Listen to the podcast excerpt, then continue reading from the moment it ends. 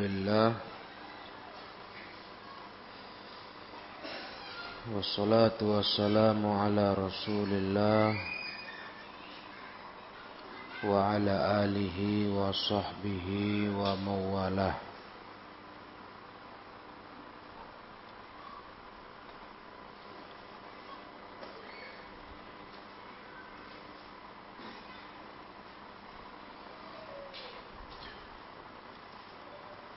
Sekarang kita masuk kepada ayat 9 sampai 11.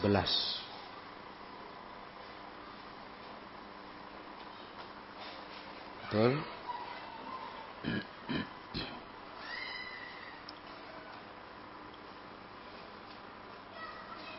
Allah Ta'ala berfirman يا أيها الذين آمنوا اذكروا نعمة الله عليكم إذ جاءتكم جنود فأرسلنا عليهم ريحا وجنودا لم تروها وكان الله بما تعملون بصيراً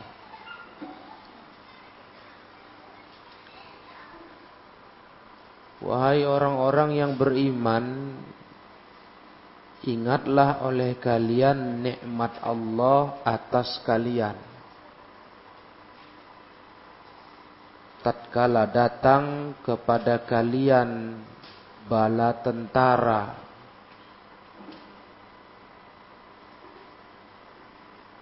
bala tentara musuh ya maka kami kirim atas mereka angin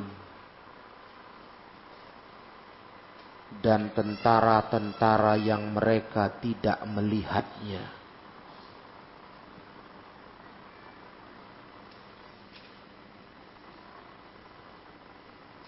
Dan adalah Allah atas apa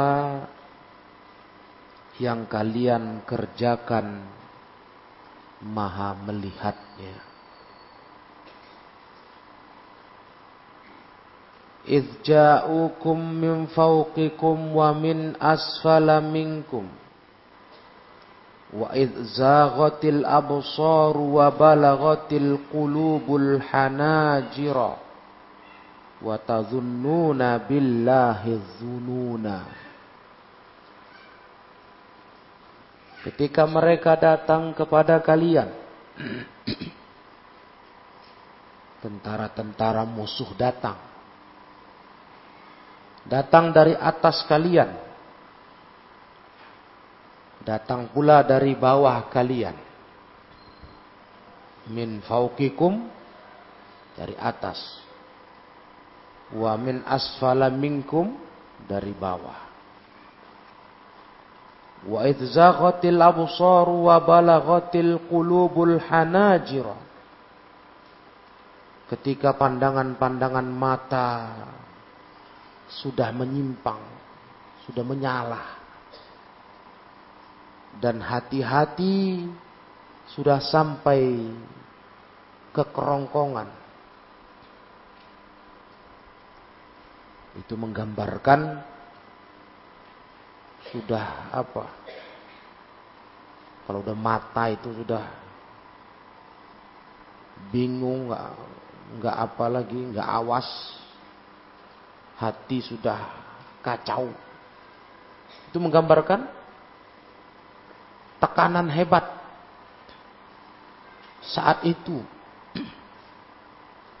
Watazunnuna billahi dzununa Sampai-sampai kalian menduga tentang Allah dengan dugaan-dugaan yang jelek.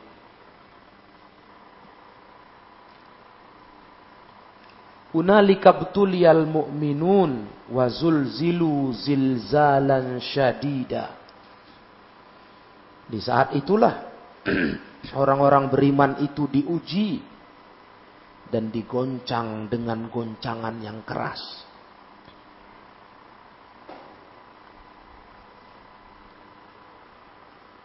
Ini ayat dari surah Al-Ahzab. Ini menceritakan kejadian di perang Khandaq. Tahu kalian perang Khandaq? Perang parit. Dinamakan perang Khandaq karena waktu itu kota Madinah dikepung oleh pasukan gabungan. Pasukan gabungan ada dari kaum musyrikin Mekah. Kemudian bergabung dengan kaum Yahudi yang ada di pinggir Madinah. Yahudi Bani Nadir. Dengan kaum Yahudi lainnya. Tambah pula pengkhianatan dari dalam kota Madinah. Pengkhianatan dari kaum Yahudi Bani Quraidah.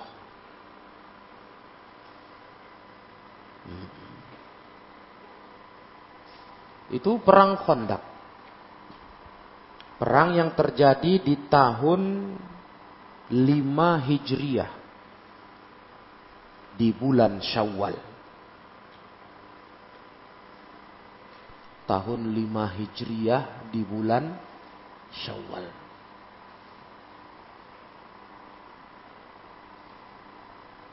Itu kalau tahun Hijriah, kalau tahun Masehinya tahun 627 Masehi.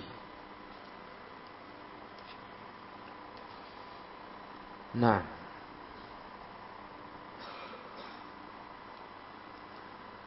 karena ini perang gabungan pasukan kufar perang gabungan pasukan kufar yang dipimpin oleh Abu Sufyan. Abu Sufyan masih kafir. Belum masuk Islam. Maka perang ini juga dinamakan dengan perang Ahzab. Kan surah Al-Ahzab ini artinya apa? Kelompok-kelompok. Nah, itu dia. Perang Khandaq nama lainnya perang Ahzab. Ya karena banyak sekali jumlah pasukan yang mengepung Madinah. Kata para ulama di kitab-kitab sirah itu jumlah mereka yang mengepung itu sampai 10 ribu orang. 10 ribu pasukan gabungan antara kufar Quraisy di Mekah dengan Yahudi-Yahudi di pinggiran kota Madinah. Terkhususnya kabilah Bani Nadir. Ya berat ini ini perang yang luar biasa ini. Sampai Rasulullah SAW merasa tertekan dengan kondisi ini. Mereka sudah sepakat mau membunuh, menghancurkan Rasulullah dan para sahabat.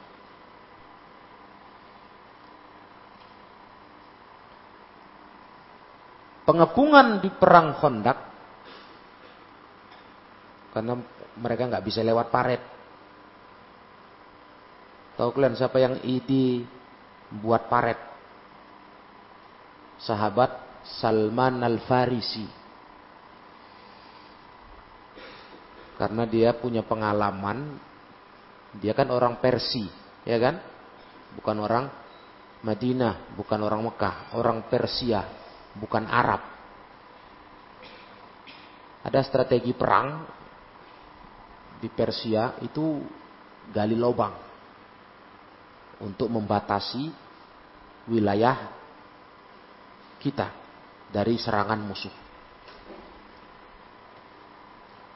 Karena melihat ancaman musuh-musuh Islam begitu hebat, rencana penyerangan besar-besaran, nah, kalau dalam bahasa Indonesianya atau istilah di bahasa ajamnya, konfederensi, perang konfederensi.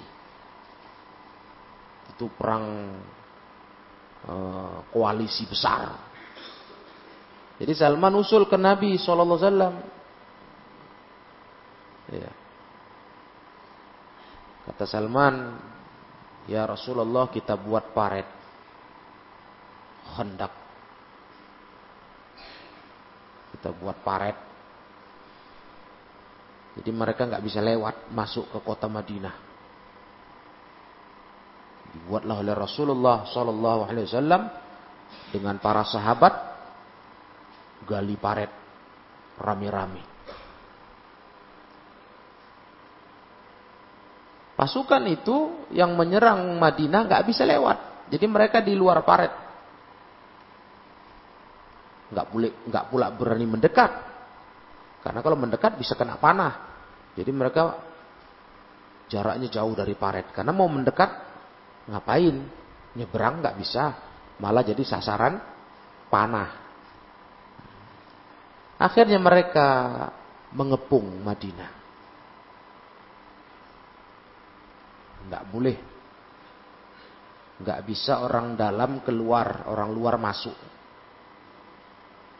Dikepung Madinah selama 27 hari. Hampir sebulan. Masya Allah. Luar biasa ya. Hampir sebulan. Pasukan Al-Ahzab. Pasukan Al-Ahzab musyrikin Mekah dengan orang-orang kafir Bani Nadir, orang-orang Yahudi mengepung Madinah. 27 hari.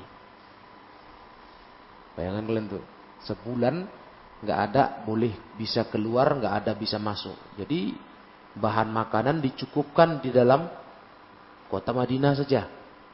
Nah, bisa keluar, nggak bisa masuk, dikepung. Makanya Allah dalam ayat tadi mengatakan Allah perintahkan orang beriman syukuri nikmat Allah ketika kalian dikepung oleh musuh-musuh kalian. Al-Ahzab. Allah kirim ke mereka angin. Jadi malam-malam mereka buat-buat kemah di luar paret. Jauh dari paret. Itu datang angin. Angin kencang. Memporak-porandakan kemah-kemah mereka. Jadi mereka kocar kacir ketakutan. Kayak angin ribut datang. Rihan kata Allah arsalna ilaihimu ilaihim rihan wajunu dan lam taruha. Dikirim Allah bala tentara malaikat yang mereka nggak tengok, nggak lihat. Jadi Allah ingatkan kepada para sahabat, orang-orang yang beriman, syukuri itu, pertolongan Allah itu. Karena kalau tidak mereka dihancurkan angin-angin itu, angin kencang, mereka nggak bubar, Ya, kalau mereka masalah makanan mereka bisa cari. Karena mereka kan yang jadi pagar. Yang di Madinah yang nggak bisa cari makanan kalau kehabisan. Kalau mereka bisa lah. Mereka ngepung. Hmm, kurang makanan, suruh pasukan cari keluar Bisa. Ya kalau yang dikepung mana bisa? Paham Ketika dihancurkan mereka oleh angin-angin tersebut, mereka pun bubar. Nah. Kalau tidak dihancurkan oleh angin-angin Allah itu, mereka nggak akan pergi. Sampai umat Islam, sahabat dan Rasulullah di kota Madinah kelaparan. Itulah strategi, strategi mereka. Dikepung sampai kelaparan, habis makanan. Ternyata Allah Ta'ala berkehendak lain. Ya. Allah kirim angin menghancurkan kemah-kemah mereka di waktu malam. Nah, maka dalam peperangan Khandaq itu ya, perang Khandaq itu tidak banyak jatuh korban. Tidak banyak jatuh korban. Karena nggak nggak terjadi pertempuran langsung. Mereka mengepung sahabat dan Rasulullah bertahan. Paret memisahkan. Jadi tidak banyak jatuh korban. Nah, dan tadi sudah kita terangkan sahabat yang mulia Salman Al-Farisi radhiyallahu taala anhu yang mengidekan membuat parit. Jadi kondak itu sekarang kita kenal dari bahasa Arab. Sebenarnya itu asal katanya itu dari bahasa Ajam Persia. Ya, asal kata kondak itu dari bahasa Persia. Buat lubang, lubang dalam, parit Kemudian sekarang kita kenal dengan dalam bentuk bahasa Arab. Asal katanya itu dari bahasa Persia. Subhanallah, betul-betul pertempuran yang memang nggak sempat bentrok tapi mengerikan. Dikepung 10 ribu pasukan. Iya, pasukan Al-Ahzab, konfederasi. Iya, persatuan gabungan antara musyrikin penyembah berhala dari Mekah dengan Yahudi Bani Nadir. Nah, setelah pasukan itu kucar kacir, ya, dihantam angin,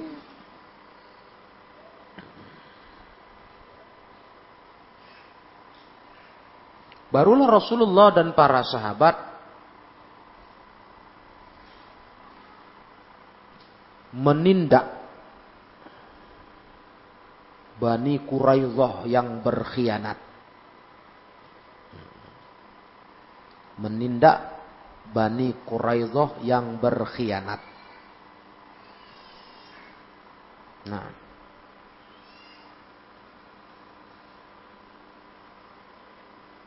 Dikarenakan Bani Quraidah berkhianat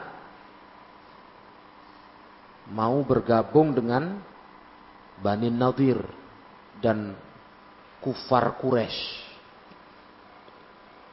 Pikir mereka, itulah penyakit orang Yahudi ya. Pengkhianat. Di Al-Quran banyak diceritakan itu. Jiwanya jiwa pengkhianat. Lici. Hmm, sampai sekarang di dunia internasional ya, dikenal orang Yahudi itu adalah orang-orang yang lici. Hmm. Lici. Ya. Ngeri kali ya. Dari dulu, dari dulu. Dari nabi-nabi terdahulu sampai Nabi Muhammad SAW sampai hari ini sifat khasnya mereka itu nggak hilang-hilang orang Yahudi. Mereka mengira karena melihat strategi pengepungan ini strategi yang mantap,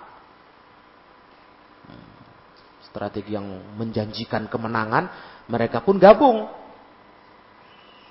dengan pasukan besar ini. Nah, rupanya ada Allah yang menolong kaum mukminin. Ngalahkan mereka cuma pakai angin. Ya, cuma pakai Angin. Nah, angin ya nggak ada bentuknya. Nggak perlu pakai senjata senjata berat. Angin itu saja. Rihan dikirim Allah angin. Diputar angin habis mereka berantakan kemahnya lari. Bani Quraidah pengkhianat. Maka setelah peperangan itu setelah mereka lari ya, udah bu porak-poranda kemahnya terbang sana terbang sini peralatannya. Mereka pergi barulah Rasulullah dan para sahabatnya menindak pengkhianatan Bani Quraidah. Karena Bani Quraidah dengan Nabi dan sahabat ada perjanjian. Janji damai. Nah, mereka khianati itu. Di sinilah jahatnya Yahudi halal saja bagi mereka mengkhianati janji damai. Ya kan? Kalau kita umat Islam diajari oleh Nabi Muhammad SAW, kalau ada janji damai dengan orang kafir, ya sudah kita jaga janji itu. Kalau mereka khianat, merusak perjanjian, baru kita perang. Itu pun kalau mereka mau janji damai lagi, apa kata ayat di Al-Quran yang kita udah lewatin kajian malam ahad. Nah, di surah Al-An'am, di Taubah. Kalau kita sudah kita sudah uh, serang mereka, mereka mau janji lagi, ngajak damai lagi, ayo damai lagi. Betul? Itulah umat Islam. Jadi gimana nanti kalau kata Allah kalau mereka khianat lagi? Ya nanti lain ceritanya. Yang pasti kalau mereka mau damai lagi, kita mau damai lagi. Padahal mereka sudah mengkhianati janji damai. Begitulah sifat umat Islam. Ya. Umat Islam itu umat yang mulia. Nah, mulia. Menjaga perjanjian. Kalau orang Yahudi, tidak ada itu. Dari zaman Nabi dulu, zaman-zaman sebelumnya dulu, para Nabi, ah mereka pengkhianat. Nah, sudah paham kalian? Ini Ayat-ayat ini, ayat 9 sampai 11 ini berbicara tentang perang Hondak. Perang Parit. Hmm. Tahun berapa tadi? Kejadiannya tahun 5 Hij Hijriah. Pas bulan Syawal. Baru siap Ramadan. Hmm. Nah, Nah sekarang kita baca tafsirnya. Yudzakiru ta'ala ibadahul mu'minina ni'matahu alaihim. Allah ingatkan hamba-hambanya orang beriman. Akan nikmat Allah kepada mereka. Ingat nikmat Allah. Hah? Hidup ini jangan lupa nikmat. Ya betul. Salah satu bikin kita jadi orang baik, jadi orang mau taat kepada hukum agama, ingat nikmat Allah. Jadi kita bisa baik karena tahu terima kasih. Ingat-ingat pemberian Allah ke hidup kita. Karunianya, nikmatnya, kemudahan-kemudahannya. Teorinya begini. Kalau ada orang lain buat baik sama kita. Yang pantas kita sama dia bagaimana? Kita bayiin juga atau kita jahatin? Hah? Bayiin kan? Itu semua orang itu. Dan yang dia bayiin kita, ya nggak seberapa lah. Dan itu sebenarnya sifat aslinya manusia. Kalau dibayiin, dia luluh hatinya. Nah, itu sifat manusia. Ada orang buat baik sama kamu, ngasih kamu sesuatu. Sekali, dua kali, tiga kali. Gimana rasa hatimu? Tentu kamu memandang dia seseorang yang pantas dibalas dengan baik. Kan begitu. Bukan dibalas dengan jahat. Nah, jadi segan kita Mau jahatin dia pun kalaupun kita penjahat jadi segan. Ih, orang gini baik sama saya kok saya jahatin. Nah, itu dia. Itu kepada sesama manusia. Paling-paling kita dikasihnya kebaikan sekali, dua kali, tiga kali, atau beberapa kali. Bagaimana dengan Allah yang terus tiap saat berbuat kebaikan kepada kita, bahkan kita hidup karena kebaikan dari Allah. Mana lepas kita dari Allah? Mana bisa? Iya, nggak usah kan dikasih Allah nikmat-nikmat yang nampak, nyata, yang banyak kali nggak terhitung. Bernafasnya aja nikmat. Siapa yang ngasih nafas kepada kita? Allah. Begitu ditahan nafas kita dikit, oi, megap kita, bingung. Bingung tuh.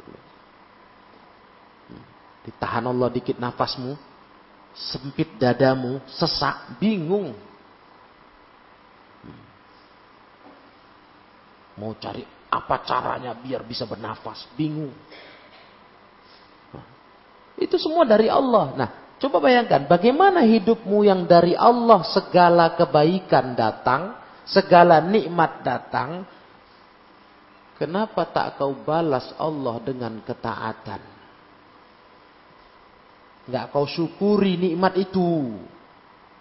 Nah, coba. Tadi ke manusia aja kita begitu.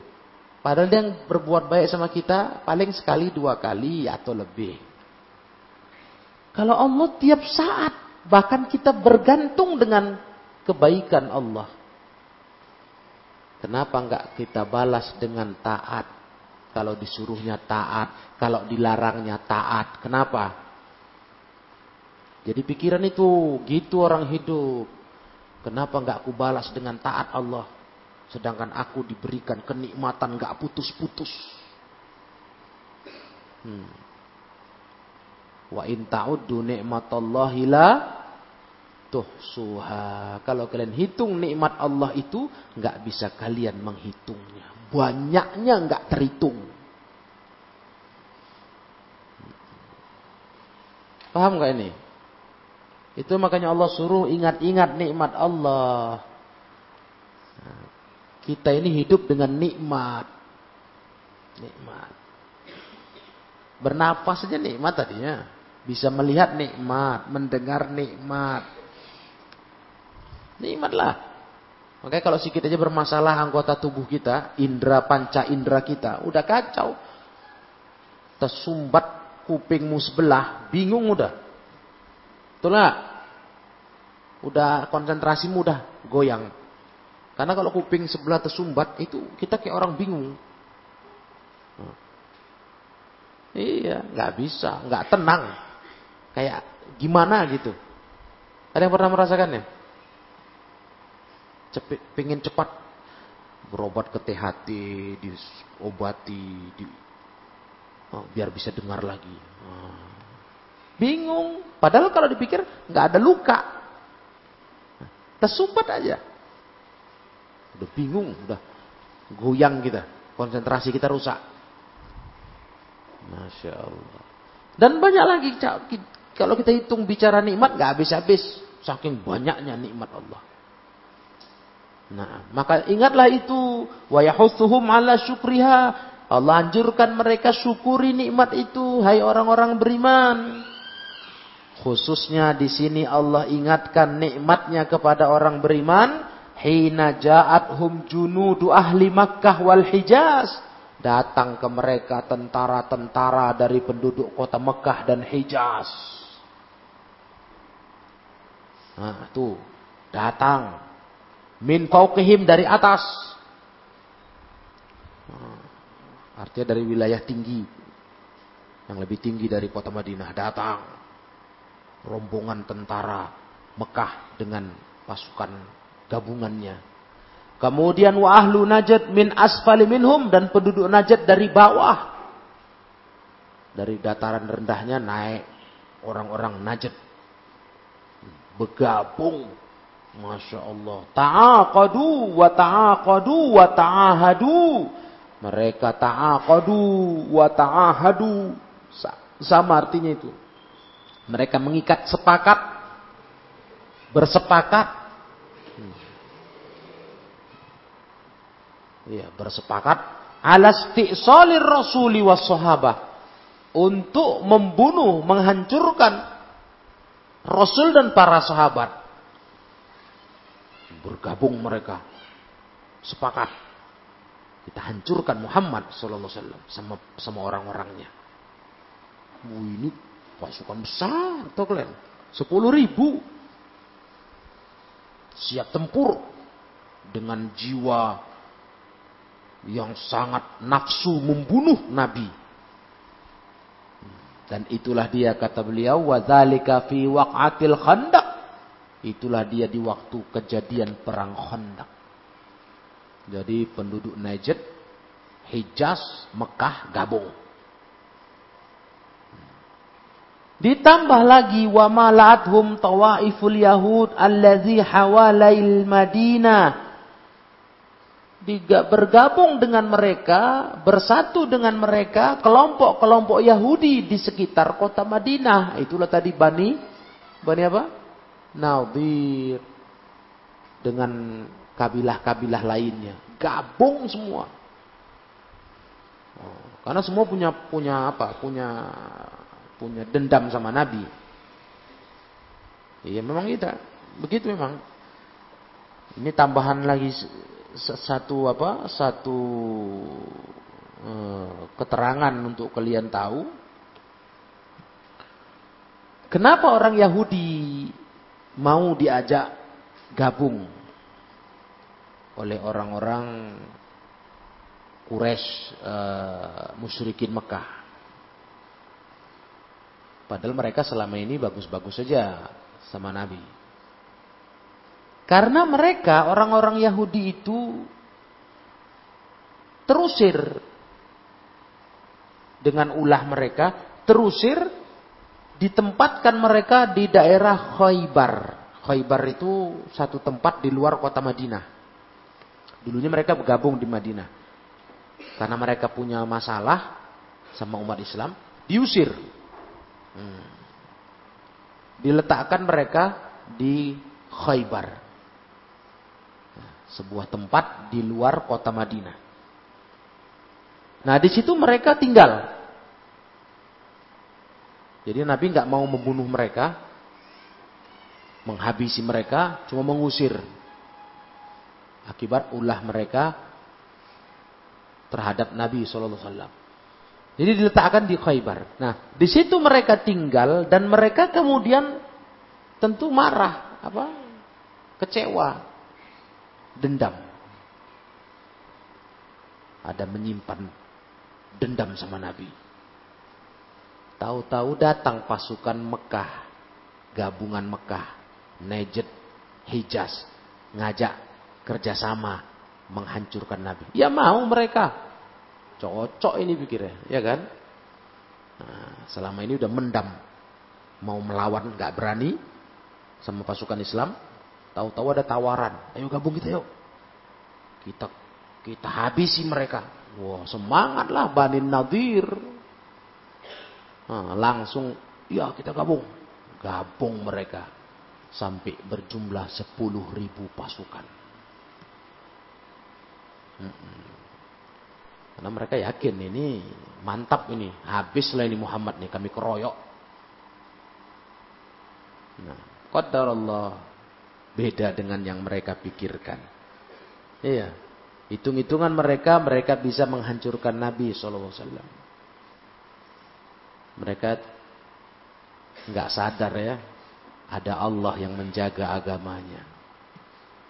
Nah, ada Allah yang menjaga agamanya.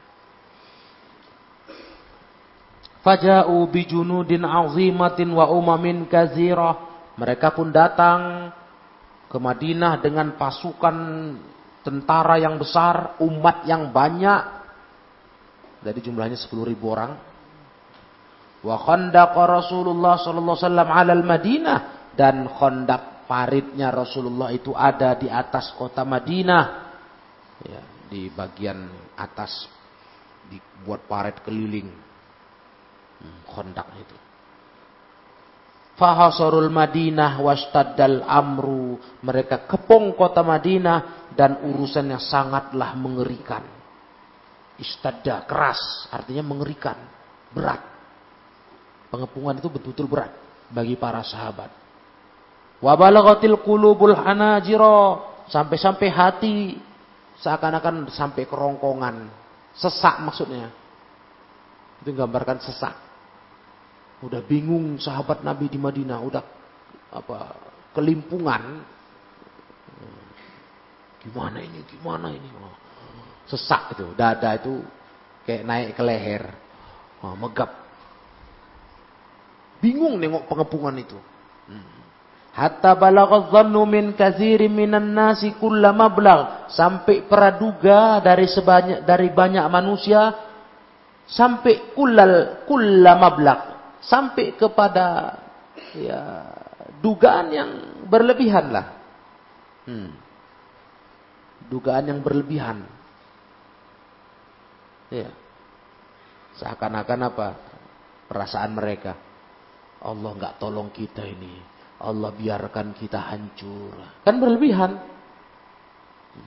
Dugaan yang kelewatan terhadap Allah. Ya karena udah tertekan betul. Tertekan. Dikepung sebanyak itu. Hmm. Gimana ini ngadapinya? Ya kan? Lama ra'au minal asbabil mustahkamah wasyada'idas wasyada'idas syadidah. Ketika mereka, mereka melihat sebab-sebab yang sudah yang sudah di, di dimantapkan, yakni sudah sudah jelaslah sudah ini hancurlah kita gitu.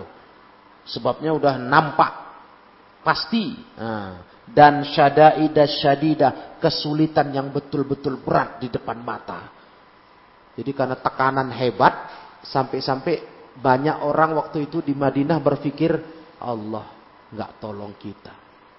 Allah biarkan kita. Nah, banyak peraduga buruk begitu terhadap Allah Ta'ala. Falam yazal hisaru alal Madinah muddatan tawilah. Terus menerus pengepungan atas kota Madinah di waktu yang lama, panjang, tawilah. Berapa lama tadi? Hampir sebulan ya? Hampir sebulan. 27 hari. Dikepung. Gak bisa ngapain-ngapain. Gak bisa keluar nggak bisa belanja, cari bahan makanan dari luar, dikepung. Hmm. Wal amru kama wasafallah urusannya sebagaimana yang Allah sifati. Wa idzaghatil absar wa balagatil qulubul hanajir wa tazunnuna billahi dzunun ay adzununu sayyi'ah sampai-sampai mereka berpraduga terhadap Allah dengan praduga yang jelek buruk sangka kepada Allah anallah la yansuru dinah wa kalimata. Bahwasanya Allah tidak menolong agamanya tidak menyempurnakan kalimatnya. Masya Allah sampai muncul anggapan seperti itu. Itu karena sudah berat kali. Nah, coba kalian bayangkan lah gimana itu. Beratnya. Aduh nggak ngerti lah kita. Ya Berarti mereka sudah betul-betul terjepit. Payah. Jadi bingung. Bingung, resah, gelisah. Sampai banyak pikiran masuk kotak mereka. Ah ini Allah nggak tolong agamanya. Allah nggak buat kita menang. Allah tidak bantu kita. Ah, muncul dugaan-dugaan jelek terhadap Allah.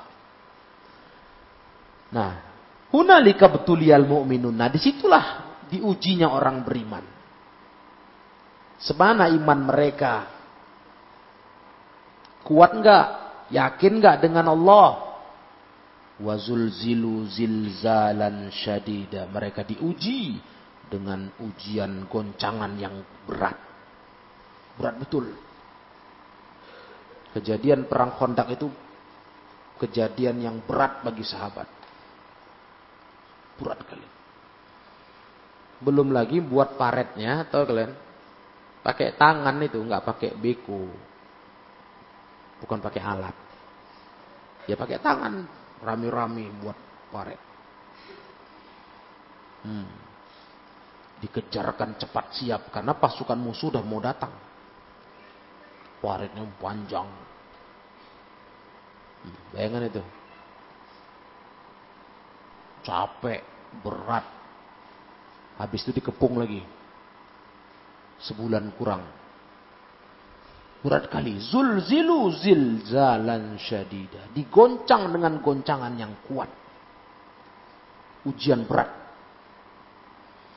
Hunalika btuliyal mu'minun bihadhil fitnatil azimah. Di sinilah diuji orang beriman dengan ujian yang besar. Ujian yang besar. Hmm wazul zilu zilzalan syadida. Bil khawfi wal qalaqi wal wal ju' diuji dengan khauf rasa takut. Al qalaq rasa goncang. Wal ju' lapar. Iyalah makanan nggak masuk. Hmm. karena mau keluar paret musuh nunggu. Dikepung lah namanya pula. Ya kan? Kayak kita di sini dikepung nggak bisa keluar. Yang luar nggak bisa masuk. Macam mana? Habis makanan di dalam kota, macam mana nyari lagi? Mau cari keluar kota, nggak bisa keluar. Jadi diuji dengan rasa takut, takut musuh. Diuji dengan kelaparan, kegelisahan, al-qalaq, kegoncangan, kegelisahan. Wah, luar biasa. Lihat tabayyan imanum biar nampak iman mereka. Diuji Allah seperti itu. Wa yazidu iqanuhum agar bertambah keyakinan mereka. Wal walillahil ham min imanihim fadhahara walillahil ham min imanihim wa syiddati yaqinihim ma faqu fihil awwalina wal akhirin maka nampaklah dengan segala puji hanya milik Allah. Dengan ujian itu nampaklah iman mereka dan kuatnya keyakinan mereka yang membuat mereka unggul dibanding orang-orang yang dulu dengan dan orang-orang yang belakangan. Nah, teruji di situ iman sahabat. Teruji. Memang memang iman mereka kuat. Karena kalau nggak kuat-kuat iman di situ, wah udah kacau lah sudah, udah murtad bisa. Ah, udahlah aku gabung aja lah sama orang kafir. Habis ini kami ini mati nanti nih. Nah, tapi para sahabat tegar. Walaupun banyak orang sudah mulai berpikiran jelek tentang Allah. Ya betul? Nah, ujiannya berat, sangat berat. Wa indamastaddal karamu wa tafaqamatis syadaidu maka ketika semakin beratnya goncangan, udah makin berat dikepung makin lama, dan tafakomatis syadaid semakin bertambah kesulitan.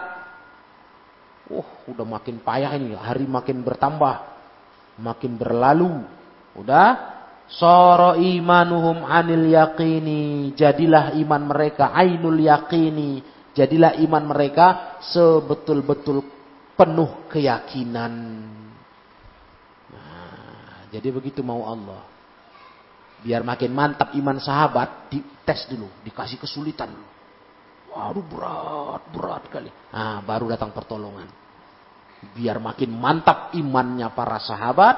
Walamma ro'al ro'al mu'minun al-ahzaba qalu hadza ma wa'adana Allah wa rasuluh wa sadaqallahu wa rasuluhu wa ma zadahum illa imana wa taslima.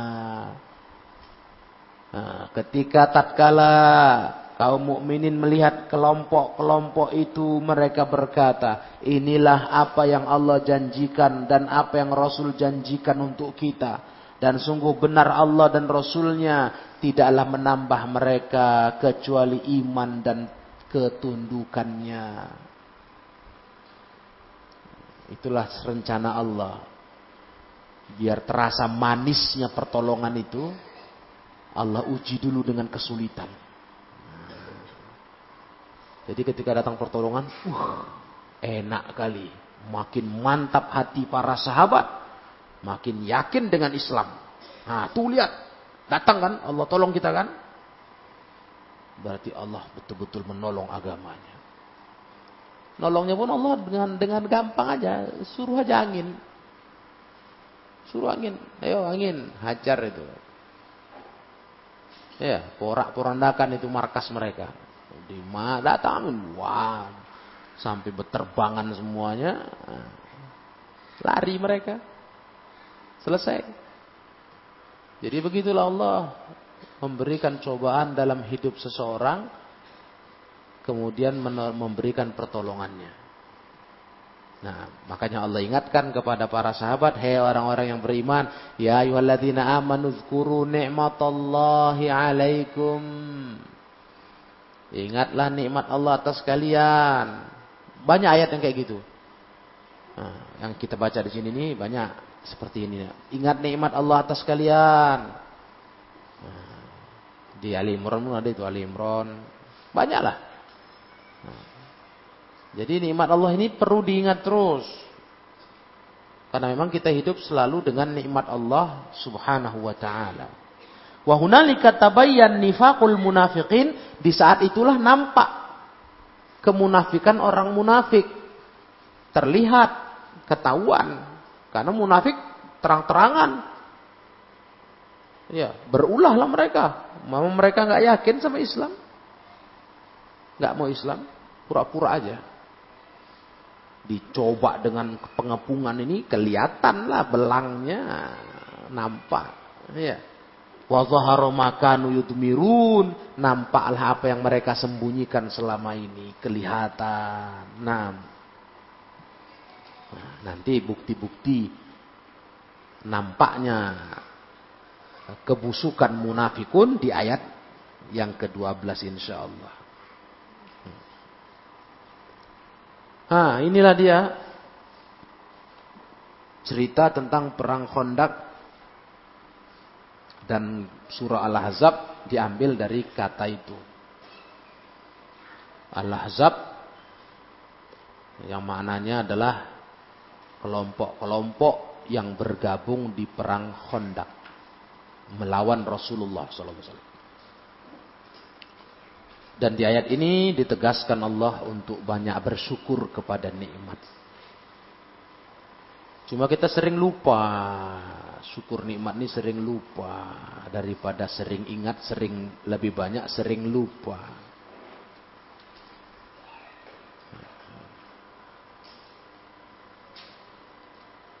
Kalau kita lagi susah,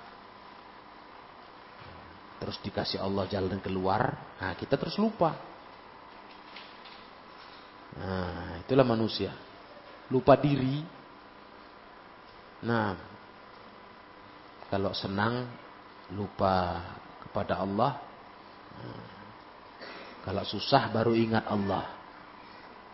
Ya. Nah, jadi Allah ingin kita ini orang yang bersyukur kepadanya. Setiap diuji Allah dengan ujian berat, terus kita selamat. Ingat-ingat itu dalam hidupmu. Syukur itu. Tujuannya apa tadi? Kita lebih tunduk dalam taat. Hmm? Tunduk dalam taat. Nah, lebih patuh kepada syariat. Paham tuh? Hmm. Begitulah orang-orang yang beriman. Taib. Jadi sudah selesai tiga ayat ini. Tambahan pelajaran surah Al-Ahzab. Nanti yang masalah orang munafik makin nampak belangnya. Bohongnya mengaku Islam. Nah, nanti kita baca di ayat yang ke-12 insyaallah taala. Ilahuna kita cukupkan sampai di sini. Wallahu a'lam bissawab. Subhanakallahumma wa bihamdik asyhadu an la ilaha illa anta astaghfiruka wa atubu ilaik.